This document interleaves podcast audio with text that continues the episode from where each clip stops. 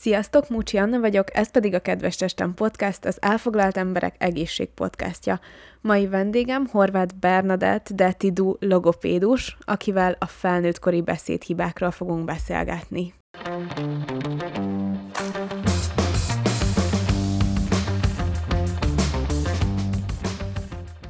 Szia, Detti! Szia! Nagyon sokan úgy gondolják, hogy logopédushoz csak a gyerkőcök járnak, és hogy csak a kisgyermekeknek van erre szükségük, viszont nagyon sokszor van, hogy felnőtteknek is jól jön ez a fajta segítség. Mi a fülargégészeti praxisban ezt például akkor szoktuk javasolni, hogyha valaki gégeműtéten esik át, vagy hangszalagműtéten, és újra meg kell tanulnia beszélni, vagy kap valamilyen ö, protézist, aminek a segítségével beszélni fog, illetve a nyelésben is tudtok segíteni, hogy hogyan tudnak akár újra tanulni a betegek nyelni. Így van, ez az utóbbi, amit mondtál, a diszfágia, a, ez már a klinikai logopédiához tartozik, amikor hát általában idős betegeket, embereket, vagy műtéten átesett embereket tanítunk újra nyelni, meg van ennek is a folyamata, de van egy másik fajta nyelésterápia, ami főként a fiatal felnőtteket érinti, ez a nyelvlökéses nyelés, ami inkább a fogszabályzó szakorvos által szokott kiderülni, amikor ráveszi magát egy fiatal felnőtt, hogy akkor belevág a fogszabályzó kezelésbe, és ott derül ki, hogy tulajdonképpen mi is áll a hátterében annak, hogy neki nem szépen záródó sorban álló fogazata van, hanem, hanem esetleg nyitott harapása, vagy bármilyen más ö, rendellenes harapás, és akkor e, ebbe a folyamatba is beszoktunk csatlakozni, mint logopédusok. És például, hogyha valakinek azt mondja a fogszabályzó szakorvos, hogy szüksége van logopédiára, de ő ezt ellustálkodja, de közben kifizeti azt a rengeteg pénzt a fogszabályzásra, akkor utána visszaállnak a fogai?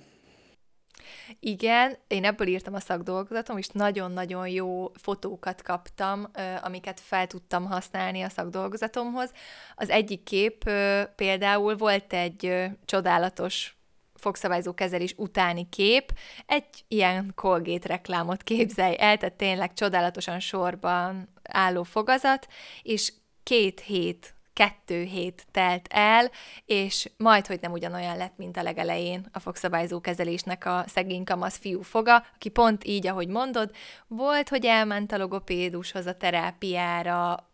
volt, hogy így lemondogatta, otthon nagyon-nagyon ritkán gyakorolt, ez tényleg egy intenzív terápia, tehát hogy ez tényleg nagyon nagyon sok otthoni gyakorlást igényel, mert az egész nyelés funkciót át kell állítani, tehát ez azért nem kevés erő és motiváció szükséges. Hát a fiúnál ez nem nagyon volt meg, és sajnos pórul is járt, mert ahogy mondott, kifizette azt a rengeteg pénzt, elviselte a fogszabályzót, ami azért sokszor okoz kellemetlenséget, és sajnos két hét alatt teljesen visszaállt a foga. Két hét az nagyon rövid idő, főleg ha azt nézzük, hogy mennyire hosszú egy ilyen fogszabályozó kezelés és a felnőttkori beszédhibák, ezek korrigálhatók bárhány éves korban, vagy van olyan életkor, amikor már, már ezen nem tudunk dolgozni? Hát a beszédhibák bárhány éves korig ö, korrigálhatóak, hogyha erre motivált a felnőtt. Ez is nagyon sokszor úgy derül ki, hogyha fogszabályzó kezelés után, vagy az elején, az első találkozások után jön el a logopédushoz, hogy a nyelvlökéses nyelése mellett van egy kis pösszesség, egy kis sejpítés köznyelven, ezeket ki tudjuk akkor javítani, de vannak olyan felnőttek is, akik, akiket már zavart az, hogy esetleg sejpítenek, vagy, vagy racsolnak, vagy bármilyen másik hangot nem tudnak szép tisztán ejteni, de nagyon sokszor jönnek felnőttek főleg olyan pozíciókból, hogy mondjuk akik gyakran szerepelnek konferenciákon mondjuk, vagy így emberek előtt beszélnek, hogy szeretnének a beszédtechnikájukon javítani, vagy esetleg a beszédtempójukon javítani. A beszédhibáról ö, akkor beszélünk, hogyha valamelyik hangzó, ez lehet magán vagy mással hangzó is, ö, valamelyiknél egy torz ejtés alakult ki. Ez lehet tényleg csak egy torzítás, lehet az egész hangnak a kihagyása, például, hogyha valaki azt mondja, hogy óa, mondjuk itt is egy ilyen halk V van, tehát hogy nem óra, hanem ezt kihagyva mondjuk, hogy óa, de nagyon sok ilyen, főleg az R hangnál egyébként nagyon sokszor van ez a kihagyás, ez a hangkihagyás, ez a gyerekeknél nagyon-nagyon gyakori, illetve van a hangcsere, amikor óra helyett ója óla, vagy tényleg egy óva, ez lesz a szóból, ö, valaki ezt felnőtt korára elégeri meg és szeretné kijavítani, és akkor el tudjuk kezdeni persze a terápiát. Van, hogy ilyenkor derül ki, hogy egy lenőtt nyelvfék áll a háttérben. Elcsippantjuk. Elcsippantjuk, elcsippantjuk, nem felvágjuk, mert az nagyon ijesztően hangzik, hanem ezt ti felcsippantjátok és az már mindjárt barátiban hangzik. Egyébként nekem is ez megtörtént.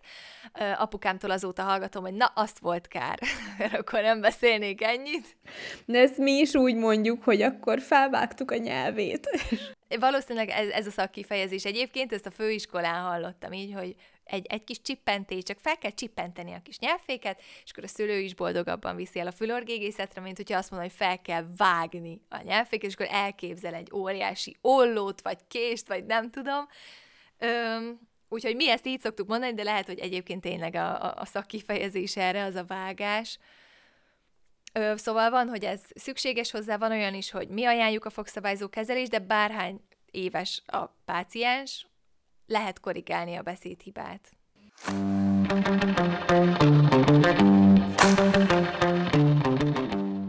Tájszólás az nem beszédhiba, mert, mert az igazából az ottani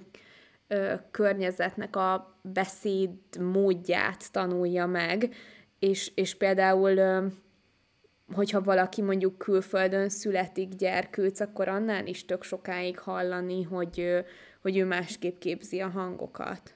Igen, ezt nagyon jól mondtad, hogy ez nem számít beszédhibának, és vannak olyan szakok, mint például a tanítószak, vagy az óvodapedagógia szak,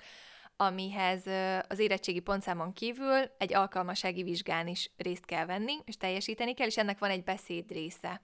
Illetve nyilván a logopédia szakon is van egy beszéd alkalmassági majd később, de ahhoz, hogy tanító vagy óvodapedagógia szakra bekerülj, ehhez kell egy beszéd alkalmassági már a legelején, és például ott sem lehet kizárók a tájszólás, pont ezért, amit te is mondtál, hogy ez nem számít beszédhibának, de én nagyon sok olyan esetről hallottam, hogy szeretne egy olyan területen elhelyezkedni tanítónőként vagy óvónőként, ahol már ez tényleg tájszólásnak számít, és, és nem ez az alapbeszéd stílus, és akkor elmegy egy logopédiai terápiára, hogy, hogy segítsenek neki.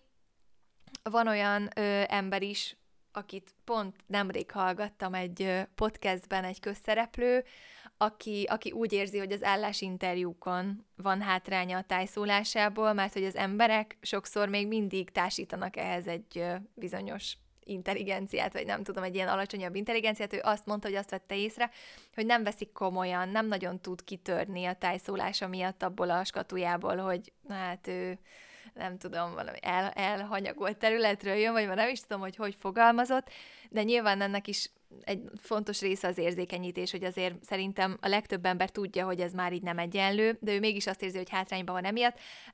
Ilyen esetben is tud segíteni a logopédus, itt akkor nem azt mondjuk, hogy beszédhibát javítunk, hanem, hanem tulajdonképpen az ő az általa használt hangzókat alakítjuk át azokká a hangzókká, amiket egyébként mi használunk más területen. Én arra emlékszem, hogy amikor elkezdtem angolt tanulni, vagyis hát már tanultam egy ideje, de lett egy ilyen anyanyelvi tanárom, akkor volt olyan, hogy másfél-két órán keresztül csak azt gyakoroltuk, hogy a TH, a TH-t, azt hogyan kell szépen kiejteni, és ahogy meg kellett tanulnom kiejteni a, a, a TH, akkor utána a V és a, a W közötti különbséget, és, és emlékszem, hogy annyira fáradtan éltem haza, amíg ezt megtanultam egy másik nyelven, mert ugye azért az idegen nyelveken is másképp képzik ezeket a hangokat. Igen, igen, én valószínűleg ezért nem fogok tudni kiköltözni külföldre logopédusként, olyan egyszerűen, mert hogy például ez a, amit mondasz, ez a TH, ez Hát, hogyha jól gondolom, bár én nem jártam ilyen tanárhoz, ezt úgy kell képezni, hogy a nyelved a két fogsorot között van, igaz? Igen, igen. Na ezt itt Magyarországon interdentális hangképzésnek hívjuk, ez gyakorlatilag a, a sziszegő hangcsoportra, vagy van, hogy a susogós hangcsoportra is, tehát a szözöce és a sözöcs hangokra ö, igaz a legtöbbször, hogy a két fogsor közé előre csúszik a nyelv, nagyon sokszor a nyelvrökéses nyelésnek is ez az egyik tünete, tehát hogy hát én azt akkor javítgathatnám külföldön szegényeknek, és magyarázhatnám, hogy de hát ez előre nyomja a fogaidat, nem, nem biztos, hogy megértenének a többiek, tehát hogy tényleg ez is nagyon érdekes, hogy amit, amit én itt javítok, vagy akár egy R hang, de már kint külföldön is nagyon sok helyen, nem csak Franciaországban, hanem máshol is az R az, az nem ott pörög, ahol nekünk Magyarországon, de nyilván ezt sem mondhatom beszédhibának, viszont hogyha valaki szeretné, akkor nyilván meg tudjuk neki tanítani, de ott szerintem már mindegy is, hogy hogy, hogy nevezzük a terápiának a menete az, az ugyanaz. Pöszeség, racsolás, sejpítés, ezek közül van olyan, ami nehezebb korrigálni? Az R hang az, ami nekem mumus, de egyébként ettől ez meg nem jelenti azt, hogy más logopédusnak is. Volt olyan, hogy azt a terápiát én feladtam, tehát hogy úgy éreztem, hogy ebben így nem boldogulok, de akkor tovább irányítottam egy másik logopédushoz, hogy próbálják meg ők is a folyamatot. Viszont az ilyen kis esztétikai beszédhiba, tényleg egy pici pösszesség, vagy egy pici sejpítés, ezeket nagyon könnyen, rövid idő alatt lehet korrigálni, az a hátránya, hogy felnőttként ezt nehezebb automatizálni, mert hogy ez már egy évek óta fennálló automatikus mozdulat, ahogy képzi ezeket a hangokat, viszont ők meg sokkal motiváltabbak, mint a gyerekek, tehát ott nem kell már külső motivációt bevetni, és valószínűleg az otthoni gyakorlatokat is gyakrabban és szívesebben végzik, és így módon sokkal rövidebb időtartam is ezeket javítani. Mm. De ez tök érdekes. És amúgy a tanulási képességeket, azt mennyire befolyásolja a beszédfejlődés? Hát olyan szinten befolyásolja, hogy egy olyan elsős gyereknek, akinek van mondjuk 5 vagy 10 hangkibája, ő sokkal nehezebben fog megtanulni írni és olvasni. Most is jár hozzám egy ilyen gyerkőc, hogy most kezdi a második osztályt, és az anyukája mondta, hogy amennyire intenzíven csak lehet, haladjunk a logopédiával, mert hogy rossz jegyeket hoz, hoz haza szegény gyerek, mert hogy meghallgatja mondjuk a tolbamondást, amit mond a tanítónéni, utána ezt lefordítja egy lassabb tempóban magában, viszont akkor azzal a hangcserével fogja leírni az adott mondatot, ahogy azt ő ki tudja ejteni. És ezeket mind meg lehetne előzni azzal, hogyha már az óvodában is elkezdődne egy intenzív terápia, főleg, hogyha sok hangkibáról beszélünk, de ö, ilyen esetben ez nagyon kellemetlen, mert, ö, mert erről tulajdonképpen így nem tehet a gyermek, viszont a tanítónő meg kénytelen ugyanúgy osztályozni őt, mint a többieket, és hogyha nincsen helyesen leírva a szó, akkor nem tud annyira vajszívű lenni, hogy ebben így kivételt tegyen, ö, de a logopédiai terápián nagyon sokszor az öt éveseknél, hogy artikulációt vizsgálunk, akkor nagyon sok ilyen kis iskola előkészítő feladatot is belecsempészünk, akár a jobbal differenciálást, vagy a ceruzafogásnak az elősegítését, illetve ami még az alapja, ez a hallási megkülönböztetés, hogy mondjuk valakinek van egy KT hangcseréje, mikor hallod a K-t, mikor hallod a T-t, ezt mondjuk szótagokban is, szavakban is hallod-e benne mind a kettőt, vagy egyiket sem, de ezek mind hozzásegítik ahhoz, hogy majd az olvasás és az írás tanulás az egy sokkal könnyebb folyamattá váljon. Ezért is nagyon fontos az, hogy azt ne bagatelizáljuk el, hogyha a gyermekünk beszédhibás, és ne fogjuk rá, hogy jaj, de hát milyen kis cuki, hogy így mondja, meg jaj, hát ő ilyen, hanem tényleg ezzel foglalkozzunk. Igen, egyébként tényleg a mesékben is valahogy ez elterjedt, az ilyen aranyos, akár egérke vagy nyuszik karakter, amikor kilóg az első két foga, ez valahogy szerintem az emberi szemnek egy ilyen aranyos karakter, és valahogy ezt gondolják szerintem sokszor a szülők is. Nem azt látják, hogy ez egy nyitott harapás, ö, hanem, hanem az, hogy aranyos az arca, viszont korábban megfogalmaztad ezt, hogy nem azért veszi a száján a levegőt, mert ő így dönt, hanem azért, mert nem kap az órán levegőt, és valahogy, hogyha ezt így ö, szembeállítjuk egymással, akkor szerintem sokkal könnyebben érthető lesz a, a szülők számára is, akik laikusként ö, próbálnak tájékozódni, meg eligazodni, hogy, ö, hogy ez nem egy, ö, egy ilyen felvett szokás, hanem ez egy óriási hátrány, hogy ő nem kap levegőt, és szerintem ez már alapból egy ilyen ijesztő mondat, hogy a gyereked nem kap levegőt, vagy hogy valaki nem kap levegőt az órán, és szerintem ez sokkal inkább arra fogja ösztönözni a szülőket, hogy igenis vigyék el egy fülorgégészeti kivizsgálásra, egy allergiavizsgálatra, hallásvizsgálatra, mert tényleg inkább derüljön ki a legelején, hogyha van probléma. És hát itt, amiről mi mindig szoktunk egymás között beszélni, a prevenciónak a fontossága, hogy kisgyermekkorban ezeket sokkal könnyebben lehet kezelni, javítani, mint majd később, amikor már sok más tünet is társul hozzá.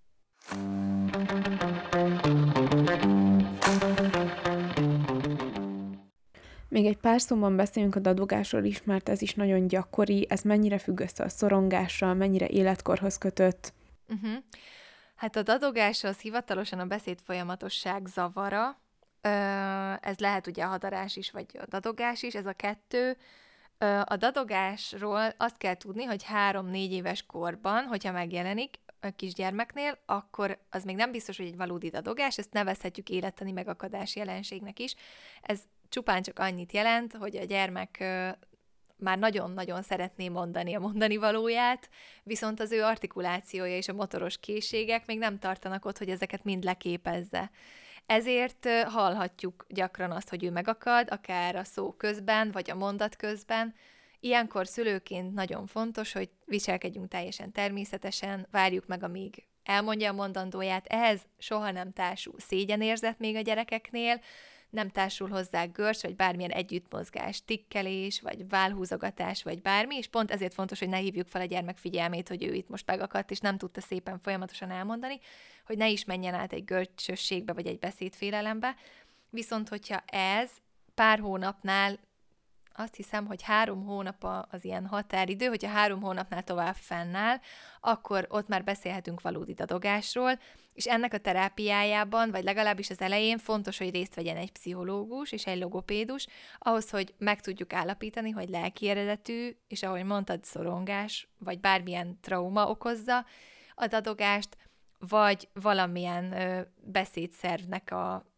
a, a működési rendellenessége, és, és akkor lazító, légző gyakorlatokkal tudunk ezen a beszéd folyamatosságon segíteni. Van olyan dadogás is, ami bizonyos trauma okoz, de, de hogyha ez a, ez a veszélyhelyzet fennáll, akkor, akkor jelen van a dadogás, viszont hogyha ez elmúlik, akkor visszaáll a normál beszéd. Ilyen nálam is volt, amikor gyerek voltam. A testvérem, ő a féltestvérem, és meglátogatta az apukáját sokkal messzebb, és egészen addig a pillanatig, ameddig ő nem ért haza, én elkezdtem iszonyatosan dadogni, de már amikor elment akkor, és a szüleim megijedtek, de gondolták, hogy ez lesz általán, és amint a tesóm hazaért, akkor, akkor visszaállt a, a beszédem a, a normális kerékvágásban. De én azt gondolom, hogy tényleg, hogyha ez húzamosabb ideig fennáll,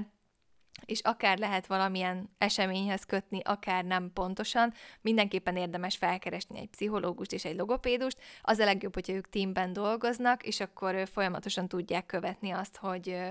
hogy éppen mi az oka, vagy hogy hogy állnak a terápiában, hogyha van javulás, vagy hogyha nincsen. Nyilván a pszichológus nem fog megosztani a logopédussal ilyen családi titkokat, amiket a gyermek elmesél, viszont azért hasznos lehet a hatékony munka érdekében, hogyha ők néha konzultálnak egymással. Igen, ez mindenképpen interdisziplináris konszíliumnak hívjuk egyébként. Oh, ja, de tényleg, hát ez, ez, ez muszáj. De tényleg nagyon fontos. Egyrészt, hogyha elküldök egy gyereket fülorgégészhez, akkor tudjam már, hogy mi történik ott, meg nyilván a szülő először tőlem fogja megkérdezni, hogy és akkor itt mit fog csinálni, és akkor ez mit derít ki, és azért jó, hogyha én is képben vagyok, és nem csak széteszem a kezem, hogy nem tudom, mi fog történni, csak azt tudom, hogy most ide el kell menni, mert ezt, ezt mondták nekem. Úgyhogy az mindenképpen jó, hogyha együtt dolgoznak a szakemberek. Én ezt nagyon szeretem, hogy nálunk a kórházban egy szoros együttműködés van a logopédusok és a fülargégészek között, meg a foniáterek között, és nálunk vannak külön gyerek audiológusok, akik csak a gyerekek hallásával foglalkoznak, és én ezt tökre szeretem, hogy múltkor is volt egy hallókészülékes bácsi, és probléma volt a hallókészülékkel, és akkor felhívtam a szakértőt, lejött, együtt megnéztük, elmagyarázta nekem, meg. Én, amit nagyon sokat tanultam, az egyébként